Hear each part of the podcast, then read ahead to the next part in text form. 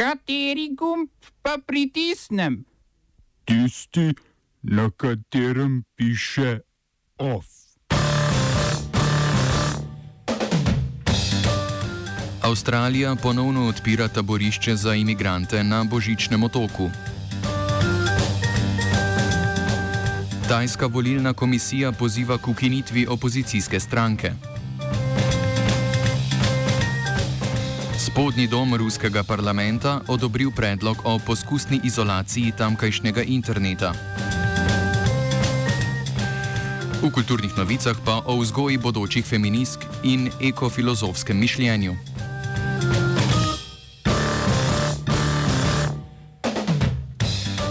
Avstralski premijer Scott Morrison je napovedal ponovno odprtje begunskega taborišča na oto Božičnem otoku, ki ga je vladajoča liberalna stranka pod pritiskom protestov migrantov, ki so opozarjali na neuzdržne razmere v begunskem taborišču, lansko leto zaprla. Premijer Morrison ponovno odprtje utemeljuje z napovedjo obveščevalne službe, da se bo število beguncev, ki bodo prišli na otok, tudi zaradi včeraj sprejetega zakona o zdravstveni oskrbi beguncev, povečalo.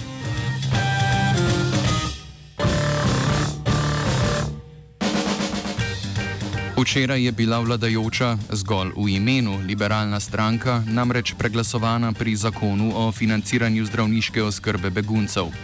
Zakon, ki ga je predlagala opozicija, tako dovoljuje beguncem in azilantom, bivajočim na otokih Nauru in Manus, dostop do zdravniške oskrbe v Avstraliji pod pogojem, da jih pred potovanjem diagnozo postavita dva zdravnika. Sprejetje zakona predstavlja velik poraz za manjšinsko vlado, saj gre za prvi primer v 80-ih letih, ko je bila sprejeta zakonodaja, ki je ni podprla vladajoča stranka. Premijer Morrison v predvolilnem duhu pred majskimi parlamentarnimi volitvami opozicijo obtožuje slabljenja avstralskih meja in napoveduje nove ukrepe, namenjene zajezitvi števila beguncev.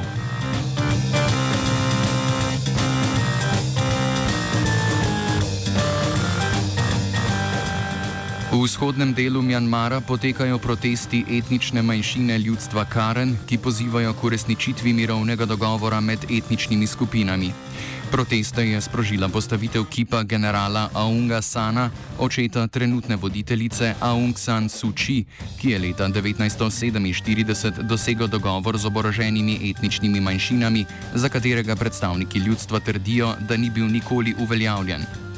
Protestniki za proteste niso prejeli dovoljenja, policija pa je nad njimi uporabila sozivec, vodni top in slepe naboje. Potem, ko je policija preklicala obtožnice proti protestnikom, so predstavniki ljudstva Karen obljubili prekinitev protestov za čas pogajanja med manjšinsko in predstavniki oziroma med manjšino in predstavniki vlade.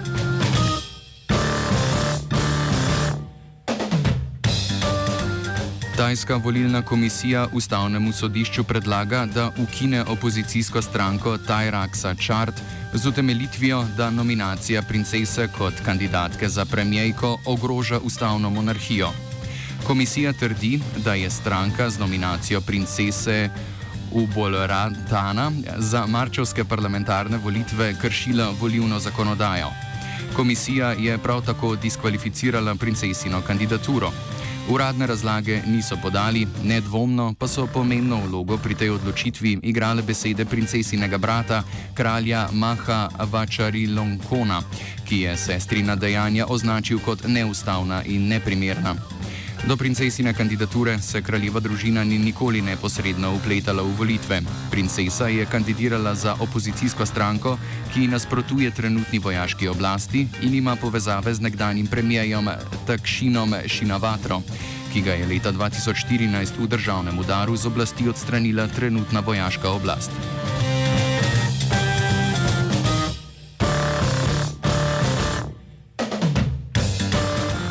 Spodnji dom ruskega parlamenta je odobril zakon, ki v imenu zaščite pred kibernetskimi napadi iz tujine dovoljuje izolacijo ruskega interneta.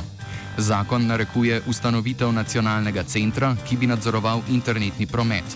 Prav tako narekuje ruskim internetnim dobaviteljem, da namestijo sisteme za preprečitev kibernetskih napadov in usposobijo sistem, ki bi omogočil delovanje ruskega interneta v izolaciji. Nasprotniki predloga so v ugovorih opozarjali predvsem na visoke stroške takšne spremembe in dvomili v učinkovitost takšnega sistema proti kibernetskim napadom. Opozorili so tudi na podobnost tega zakona s kitajskim sistemom nadzora interneta, tako imenovanemu velikemu kitajskemu protipožarnemu zidu. Vlada je kot glavni vzrok tega zakona navedla lani sprejeto ameriško strategijo za kibernetsko varnost, ki obljublja bolj agresiven ameriški odziv na morebitne kibernetske napade.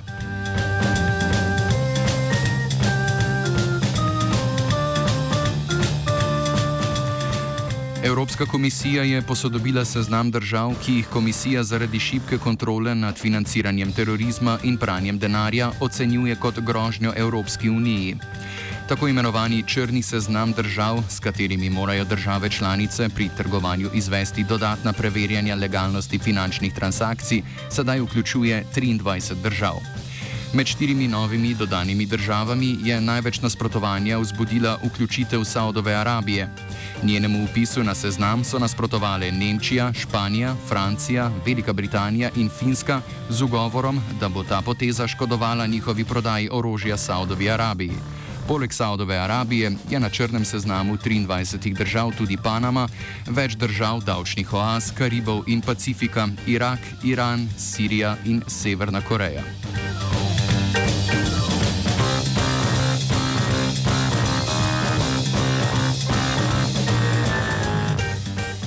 Večjo enotnost so države članice pokazale pri kompromisu o projektu Severni tok 2.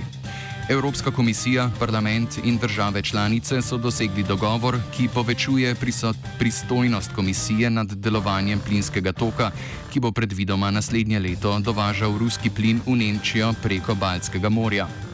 Po novem dogovoru bo za Severni tok 2 veljala vsa energijska zakonodaja, tudi za cevi Severnega toka 2, ki so izven ozemlja Evropske unije. Po zakonodaji EU bodo tako vsi lastniki plinskih cevi držav članic in nečlanic morali omogočiti dostop svojim tekmecem. Dogovor daje komisiji tudi več kontrole nad regulacijami tarif in področjem transparentnosti. Nemški medij ARD sicer citira vire iz pogajanj, ki trdijo, da kljub dogovoru Nemčija ohranja možnost lastne izključitve iz evropske plinske zakonodaje. Evropska komisija pa opozarja, da bo o izjemah odločala sama. Projekt sicer ima izbrana gradbena dovoljenja Nemčije, Finske in Švedske. Dovoljenja za gradnjo ni podelila Danska, a ruski Gazprom, podjetje odgovorno za gradnjo, trdi, da bodo v primeru dolgotrajnega danskega nasprotovanja državo pri gradnji obšli in da bo projekt kljub temu dokončan do konca letošnjega leta.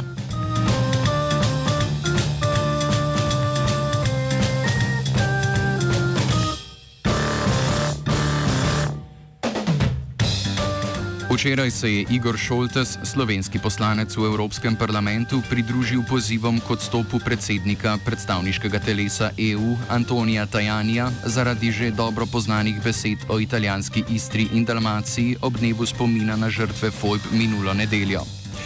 O Šoltesovem pozivu, ki je bil izrečen neposredno v parlamentarni dvorani med plenarnim zasedanjem v Štrasburu, sta se s poslancem iz vrst zelenih pred nekaj minutami v prestolnici Alzacije pogovarjala novinarja Radia Student Miha Turk in Pija Nikolič.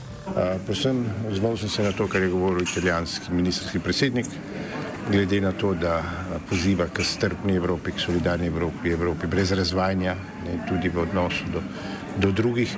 In to me je zelo zmotilo, glede na to, da njegovi ministri, posebej še notranji minister Selvini, ravna popolnoma drugače.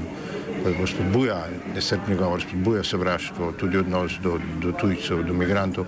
In pa vse to, kar je pokazal skupaj z eh, kolegom Tejanjem, predsednikom Evropskega parlamenta, ob dogodku v, v Bazovici. Eh, kjer so njihovi vzkliki, ki že mejijo, moram reči, na hujskaštvo, pozivali in vzklikali veliki Italiji, ne, v Istri, v, v, v Dalmaciji, kot bi skazvali ozemeljske eh, teže in priklicali v spomin tisto, kar eh, je bilo tlakovano z mnogimi žrtvami, ki spodbuja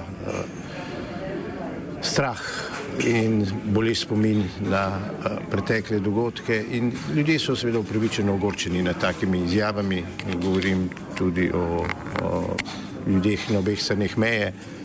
In mislim, da uh, nobena predvoljena kampanja ne more upravičevati takih besed, ki so absolutno zavržene in uh, nedopustne, ne glede za kakšen dogodek gre in ker uh, tudi upravičilo gospoda Tajanja v ponedeljek v resnici ni bilo upravičilo, ampak bolj uh, izmikanje uh, in potvarjanje dejstev. In glede na vse okoliščine, mi ni preostalo drugega kot to, da v imenu dožnosti tudi do rojakov zahtevam odstop. Za več informacij o zgodovinskih in političnih implikacijah Tajanjevih besed lahko prisluhnete včerajšnjemu offsajdu, ki ga najdete pod zavihkom politika na spletni strani Radia Student.